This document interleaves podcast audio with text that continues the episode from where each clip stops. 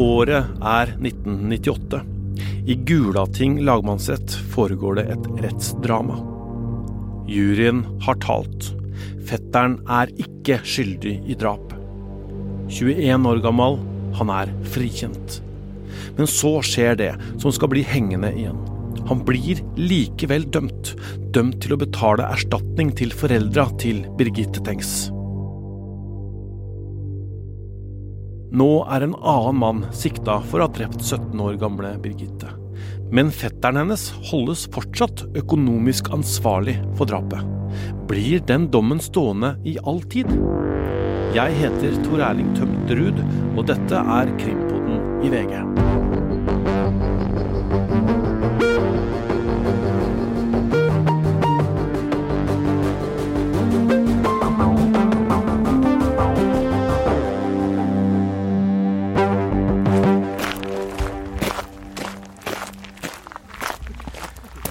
Vi er på Karmøy. Øystein Milli går sammen med Jakob. Det er faren til fetteren. De går bort til grusveien Gamle Sundsvei. Karmøy er pent. Det er små knauser av fjell overalt, og mellom knausene er det grønne enger der sauene beiter. Alt i orden, opptaket. Nå er det i orden, ja. Fra grusveien går de ned i noen busker. Når de baner seg vei og kommer fram dit de skal, så finner de en stein. Det står Birgitte med svarte bokstaver, og under navnet står det 6.5.1995. 6. mai, dagen hun ble drept. Foran steinen er det plassert en gjenstand. Det er en bamse som en, av, eh, en eller annen har satt der fra dag én omtrent. Og den har stått der hele tida. Du ser hvordan han ser ut. Han er jo mosegrodd, hele bamsen. Så Her ser vi jo ut på gamle Sundsvei bak oss. ja, det er vel 15-20 meter, som du sa. 15 meter. Ja, ja. Så det var her, det var her hun ble funnet. Det, ja, det er litt spesielt å stå her, det må jeg bare si. Det, og så er det en annen ting. En av de første som var her, når åstedet ble åpna, hvem tror dere det var? Nei. Med blomster.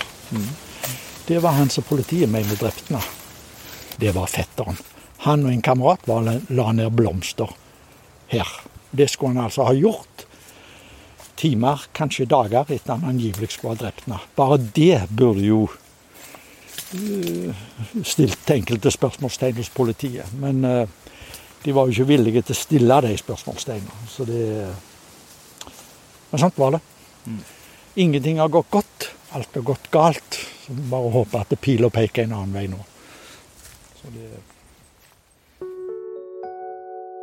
Vi har gått gjennom hva som skjedde med Birgitte Tengs i 1995 flere ganger her i Krimpodden. Og vi anbefaler også podkastserien Uløst, som handler om drapet. Birgitte hadde vært på en fest på bedehuset den fredagskvelden, og hun er sett i Kopervik sentrum, trolig på vei hjem. Men hun la seg aldri hjemme. Hun blei utsatt for et brutalt drap ikke langt fra der hun bodde. Politiet brukte store ressurser på å oppklare saken, og Kripos var kobla inn. Problemet var at eh, noen DNA-tester som viste at gjerningspersonen hadde langt, lyst hår, førte politiet på ville veier i rundt ett år. Før nye analyser viste at det var Birgittes egne hår som blei funnet i hånda hennes. Da snudde politiet bunken, og Birgittes litt eldre fetter blei arrestert og sikta.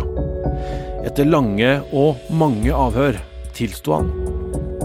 Men han trakk tilståelsen raskt. Likevel blei det rettssak der fetteren i første instans blei dømt for drapet. Men i ankesaken blei tilståelsen saumfart av forsvarerne til fetteren, og bevisverdien blei så svekka at han blei frikjent. Likevel så ble han stående som dømt, fordi han blei dømt til å betale erstatning til Birgittes foreldre. En dom som blei stående som et stempel, mener faren til fetteren. Men i mine øyne så er dette en skamplett. Måten, måten eh, vår sønn er blitt behandla på, og det har fått ekstreme konsekvenser. Det kan jeg bare si. Jeg ønsker ikke å gå i detalj, men det har fått ekstreme konsekvenser. Og ikke bare han, men òg for eh, oss som familie. I alle år etter har fetteren kjempet for å få oppheva denne dommen. Han vil ha den bort. En tung kamp som faren hans har vært med på. Jeg kan si såpass at eh, hadde jeg visst det jeg vet i dag, for 26 år siden, så hadde jeg aldri makta det. Eh, hva som da hadde skjedd, det har jeg ikke lyst til å spekulere i, men eh, jeg trodde at neste sving, den var over rett der borte.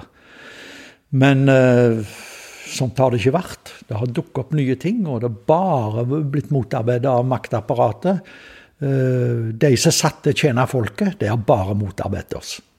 Når jeg sier de som satt til å tjene folket, så er det jo politi og påtalemyndighet som eh, eh, tross alt skal være de ærlige, skikkelige folk oppi dette, og det har vi altså ikke sett ting til. Men nå er det jo engang sånn at Klarer du den, så klarer du sikkert den neste. Men det er bare det at jeg hadde aldri trodd at det var de tusenvis av svingene som har gått igjennom i alle disse årene. Det tærer på? Ja, det er vel det mildeste du kan kalle dette. Det tærer på. Det, det, vi har fått ødelagt eh, livskvaliteten, hele familien. 26 år med livskvalitet. Neste år fyller jeg 70 år, nå har jeg en fot i grava. Hva er det da igjen? Det er Nei, jeg er skuffa. Voldsomt skuffa. Det må jeg bare si.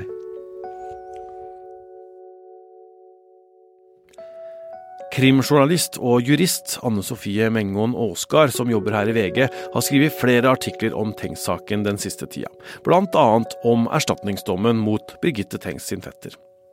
Nå tar Anne Sofie plass på en av de gule, høye stolene i det lille studioet vårt.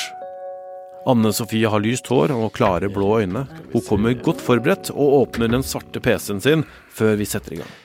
Anne Sofie, ta det en gang til nå. Vi har jo snakka om det før, men eh, fetteren blei frikjent i langmannsretten, men allikevel dømt til erstatning. Hvordan kunne det skje? Jo, for da fetteren ble dømt til erstatning, så var det i en sivil sak. Eh, og i rettssaken mot fetteren så var det to spor. Eh, det var straffesporet, altså det strafferettslige sporet som gikk ut på at fetteren kunne bli dømt i fengsel. Og så var det det sivilrettslige sporet, eller privatrettslige sporet, eh, som gikk ut på erstatning. Så når retten skulle avgjøre om fetteren hadde begått drapet, så skulle de ta stilling til to ting. Én, kunne han bli dømt til fengsel? Og to hadde Birgitte Tengs sine foreldre krav på erstatning fra fetteren. Og så syns mange det er rart at man kan bli frikjent for drap, men dømt til erstatning. Eh, men det skyldes at beviskravet i straffesaker det er mye høyere enn i sivile saker. For i straffesaker så skal man være bevist utover enhver rimelig og fornuftig tvil om at eh, noen faktisk kan dømmes. Det betyr at man må nesten være helt sikker. Men i sivile saker så behøver man bare sannsynlighetsovervekt. Det betyr at retten bare må være mer enn 50 sikker for at eh, man kan dømme noen f.eks. til erstatning. Og så blei hun da idømt erstatning, som, eh, som, eh, da foreldrene til Birgitte skulle få. Hva har skjedd med den erstatningen? Har de betalt den? Nei, fordi det erstatningskravet det ble ettergitt, som vi sier. Det betyr at kravet i realiteten det ble sletta, og det skjer av og til. Ehm, så den erstatningen på 100 000, den er det staten som har betalt til Birgitte Tengs sine foreldre. Eh, men erstatningsdommen, den har blitt stående, og det er den han vil ha endret. For selv om han har sluppet å betale, så har den dommen stor symbolsk verdi for fetteren. Mm, for han er jo da på en måte dømt i denne saken allikevel. Hvordan har han kjempa opp igjen nå for å få sletta den dommen? Det her har vært en lang kamp for fetteren. I 2003 så ga Menneskerettighetsdomstolen i Strasbourg fetteren medhold i at erstatningsdommen den gikk for langt i å antyde skyld. Eh, så da fikk faktisk han tilkjent erstatning. Men erstatningsdommen den ble stående, og så har han forsøkt å få den gjenåpnet her hjemme mange, mange ganger, noe han ikke har fått. Eh, Høyesterett har til og med avvist saken, og så har han klaget i Norge til FNs høykommissær for menneskerettigheter. Så det har vært veldig, veldig mange forsøk. Men det er nå et stort hinder som eh, er knytta til denne dommen fra 1998. Ja, det stemmer. Fordi mens drapssaker aldri foreldes, eh, så gjelder ikke det sivile saker, sånn som denne erstatningssaken.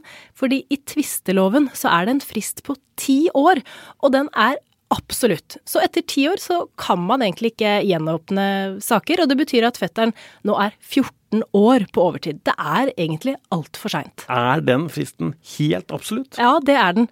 Det er ingen unntak fra den, eh, fra den fristen. Men så kan det være da at man likevel får til en løsning, men det er ikke sikkert. Ja, for nå er jo en anklaga for drapet, mens fetteren er jo dømt til å betale erstatning for det drapet. Og hvis han som nå er anklaga, blir dømt, så er jo på en måte to mennesker dømt i samme drapssak. Mm. Det er fordi at en eventuell straffesak mot den nye mannen, det påvirker ikke erstatningssaken til fetteren automatisk. Og det er kanskje litt rart, men egentlig så er det sånn at den nye mannen kan bli dømt for drapet, mens fetteren fremdeles blir sittende med erstatningsdommen.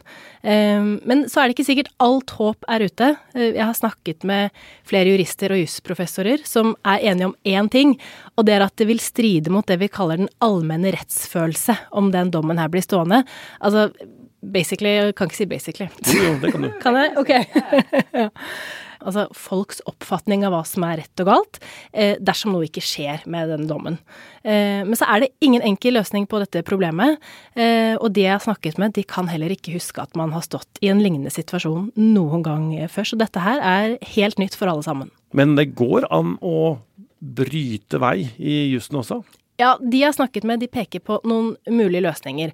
Én ting er at man kan bruke uskyldspresumpsjonen, altså prinsippet om at enhver er uskyldig inntil det motsatte er bevist.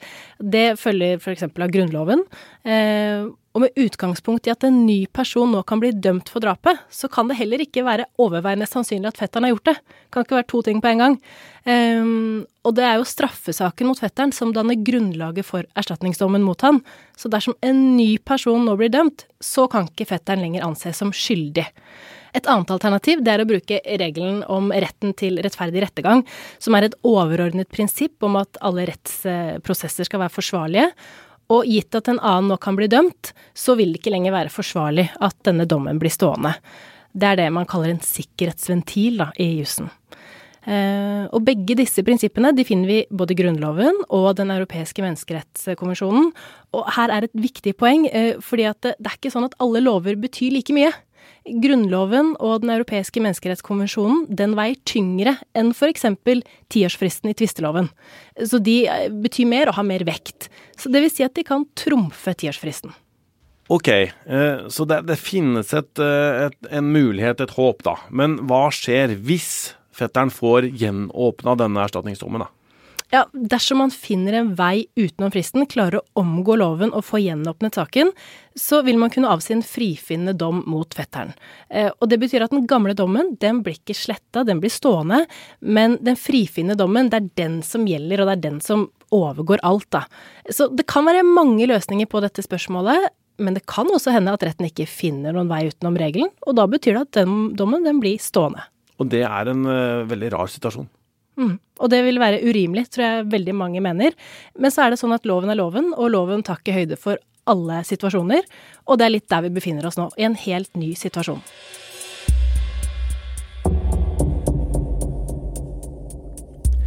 På Karmøy i huset sitt sitter Jakob, faren til fetteren. Han har utsikt rett ut i sjøen, i fjordarmen som går inn i Karmøy. Da er du klar? Ja. Grå T-skjorte og olabukser. Han har grått hår, han er nybarbert, men har latt barten bli. Jakob har sett hva anklagene mot sønnen hans har ført til, og levd tett på det sønnen har opplevd etter at erstatningsdommen har blitt stående alle disse åra.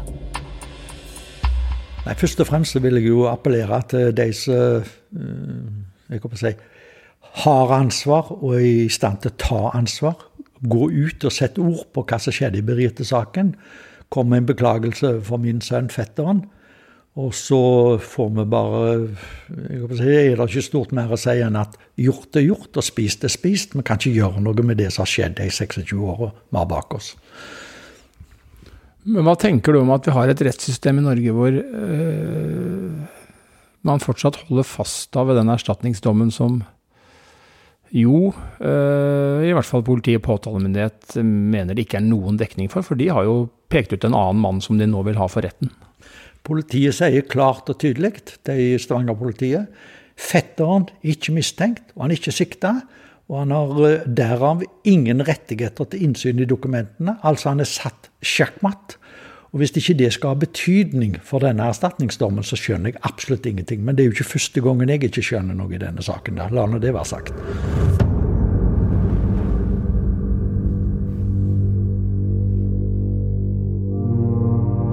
Ja, det var eh, krimkommentator i VG Øystein Milli som eh, besøkte Jakob der ute på Karmøy. Og Øystein, når du har vært der, eh, hva slags inntrykk gjør det på deg? Det gjør sterkt inntrykk. Og jeg har vært der flere ganger nå. Det, men det hjelper ikke så mye. Hver gang jeg er der, så gjør det like sterkt inntrykk. Og det handler om at man ser jo hvor fortvila uh, da Jakob er, og hvor mye denne saken har ødelagt for familien. Både for han, for sønnen og for eh, resten av familien. Og uh, det er en urett som er begått, som, er, som, er, vanskelig å ta inn over seg. Altså at man kan trekke en mann for, for retten, en ung gutt, behandle han som de har gjort i politiavhør.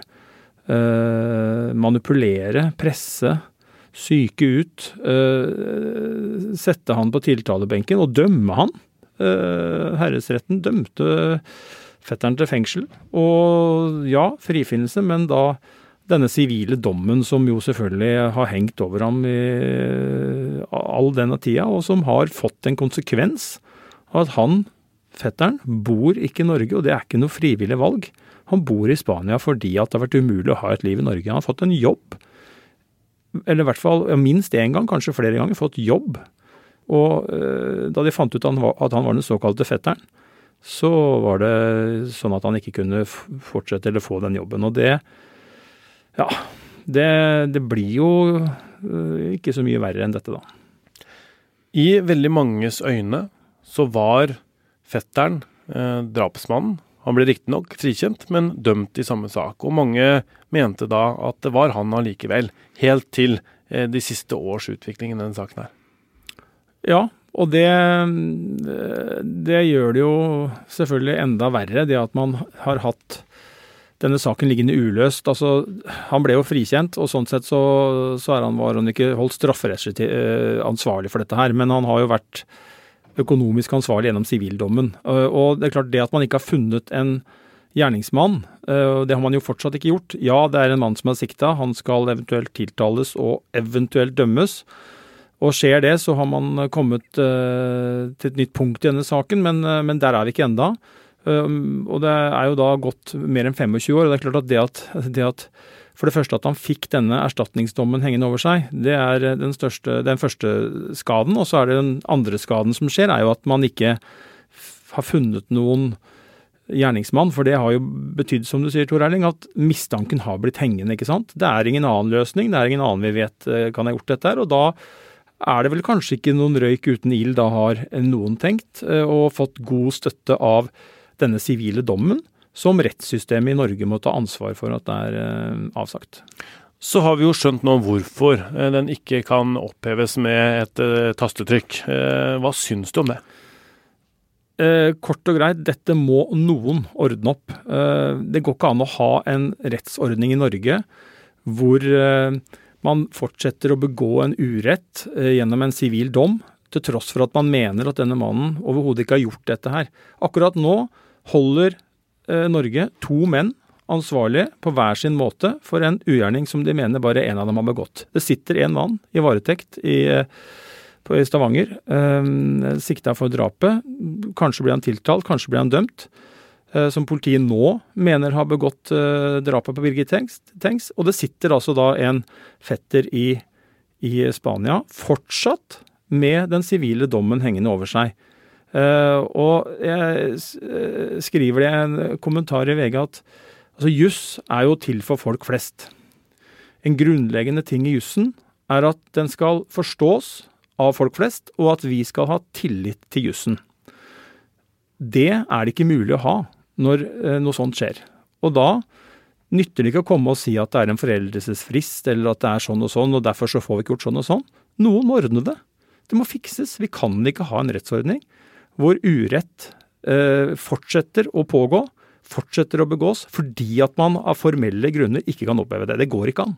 Hvem er det som kan gjøre noe med det, da? Nei, altså det er jo eh, det er jo for, for, det første så må jo politikerne kunne se på dette her. For det er jo sånn at uh, de vedtar jo lover, og, og, og, og, her er det jo en lov her er det smutthull, da. Flere eksperter er enige om det. At her er det en, en, en svakhet ved lovverket vårt, og da må jo det rettes opp i. Og så må jo de som er satt til å forvalte dette her, eh, forsøke å Eller bare de må klare å finne da en eller annen eh, form for å oppheve dommen. For ja, jeg, jeg synes det, hvis, hvis, det er sånn at formaliteter skal øh, gjøre at urett fortsatt begås, så er vi på ville veier. I sin tid så var det riksadvokat Tor Aksel Busch som beordra at fetteren skulle tiltales.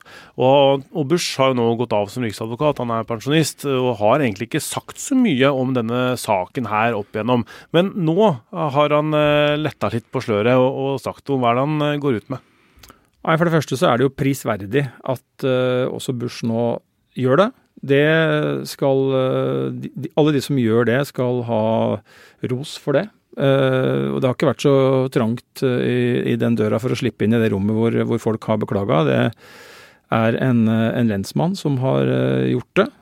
og så kommer Bush nå på banen og, og, og sier jo at nettopp det vi, som vi har pekt på, at selv om det ble avsagt en frifinnende dom, altså strafferettslig sett, da, er det i dag all grunn til å sterkt beklage overfor fetteren og hans familie at det i sin tid ble utferdiget, utferdiget tiltale mot ham. De har lidd meget. Jeg er selvsagt ikke uten forståelse for at familien retter kritikk mot oss som hadde ansvaret den gangen, og har intet behov for eller ønske om å kommentere denne. Så det er klar tale fra, fra vår tidligere riksadvokat, som, eh, som sagt, og um, Det er jo litt sånn komplisert språk for at han legger seg flat? Ja, men uh, jeg syns det likevel er klart. Uh, han sier at de har lidd meget, og at, er, uh, og at, han forstår at de nå kritiserer avgjørelsen som ble tatt den gangen, og at han, at han bekla, sterkt beklager at det ble tatt ut en tiltale. Det er jo, det er jo veldig klare ord, da, syns jeg. Mm. En mann i 50-åra er nå sikta for eh, drapet, eh, og statsadvokatene har jo sendt sin innstilling, som det heter, til Riksadvokaten. Så nå er det Riksadvokaten som skal sette sitt godkjentstempel på da, om det blir tatt ut en eh, tiltale. Og så blir det jo en full rettssak eventuelt, hvis det blir tiltale. En omfattende rettssak. Jeg husker ikke om det er 12 eller 16 uker satt av, men det er, det er lang tid. Og der blir det jo da en full prøvelse av denne mannens eh, skyld eller uskyld, eh, og han nekter jo straffskyld. Så mm, den prosessen, den, eh, den kommer da til å ta tid. Og så hørte vi da at tidligere riksadvokat beklager at det ble tatt ut tiltale. Da er det vel ganske eh, viktig at nåværende riksadvokat Jørn Sigurd Maurud setter sitt riktige stempel på dette? da? Ja, og det er jo en grundig etterforskning som, eh, som er eh, gjennomført der. Og vi, vi, har jo ikke all verdens innsikt i den. Eh, og det skal vi jo sørge for å få når vi kommer til retten, og følge den tett. Men det bygger jo da i første rekke på et DNA-treff. I en blodflekk på Birgitte Tengs sin strømpebukse så er det funnet DNA fra denne mannen. Og så har han en mutasjon som gjør at politiet er ganske sikre på at det må være hans DNA. Og så har jo hans forsvarere flagga at de vil jo eh, stille spørsmål ved om denne, eh, denne, denne DNA-sporet fra klienten deres kan ha havna der på en annen måte, eh, på et annet tidspunkt, enn ved at han er den som tok livet til Birgitte Tengs. Og så vil jeg tro påtalemyndigheten kommer til å peke på modusen til denne mannen i 50-åra, som jo er dømt for jeg kan kalle det seksualisert vold mot kvinner i nærområdet, og at han var Eh, i, på Karmøy den natta Birgitte ble drept, og også at han hadde en, en grønn bil. Eh, det er jo noen vitneobservasjoner eh, som fortsatt er uavklarte, i den forstand at verken bilføreren eller passasjeren har meldt seg, som jo kan peke mot at dette var Birgitte Tengs. Og en gjerningsmann, kanskje, da. Fordi at det er naturlige grunner at, at ingen av de har meldt seg i så fall. Og det var stor oppmerksomhet rundt dette sporet den gangen. Men men, eh, men det er noe nok om det. Men i hvert fall han hadde en grønn bil, og da vil jeg tro at politiet kommer til å peke på muligheten til at det var hans bil eh, som ble sett der. Og så er det jo sånn det å si at eh, det er mange, og var, mange grønne biler. Så, så det er jo ikke noe tungt bevis i, i, i, en sånn uh, sammenheng. Men uh, det vil nok være et moment, en av flere momenter. Men det aller, aller viktigste som politiet har, det er DNA-beviset. Og hvis det ikke står seg, så er jeg spent på, på hvordan denne saken eventuelt går, dersom det blir en tiltale. Men fetteren, som i sin tid var tiltalt, kommer han til å være involvert i denne rettssaken? Det er varsla at han blir innstevna som vitne, og så får vi se hvorfor. Det er vel forsvarerne til denne mannen i 50-åra som ønsker at han skal komme og forklare seg. Så får vi se hva, hva de ønsker med det.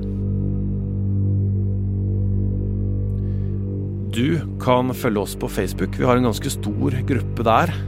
Og bor du på Nordvestlandet, så bør du få med deg Krimpodden live i Molde den 7. oktober og i Ålesund dagen etter.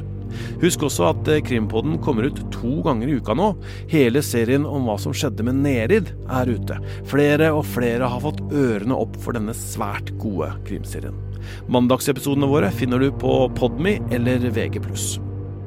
Krimkommentator Øystein Milli var med i denne episoden. Produsent er Vilde Våren, og jeg heter Tor Erling Tømt Ruud.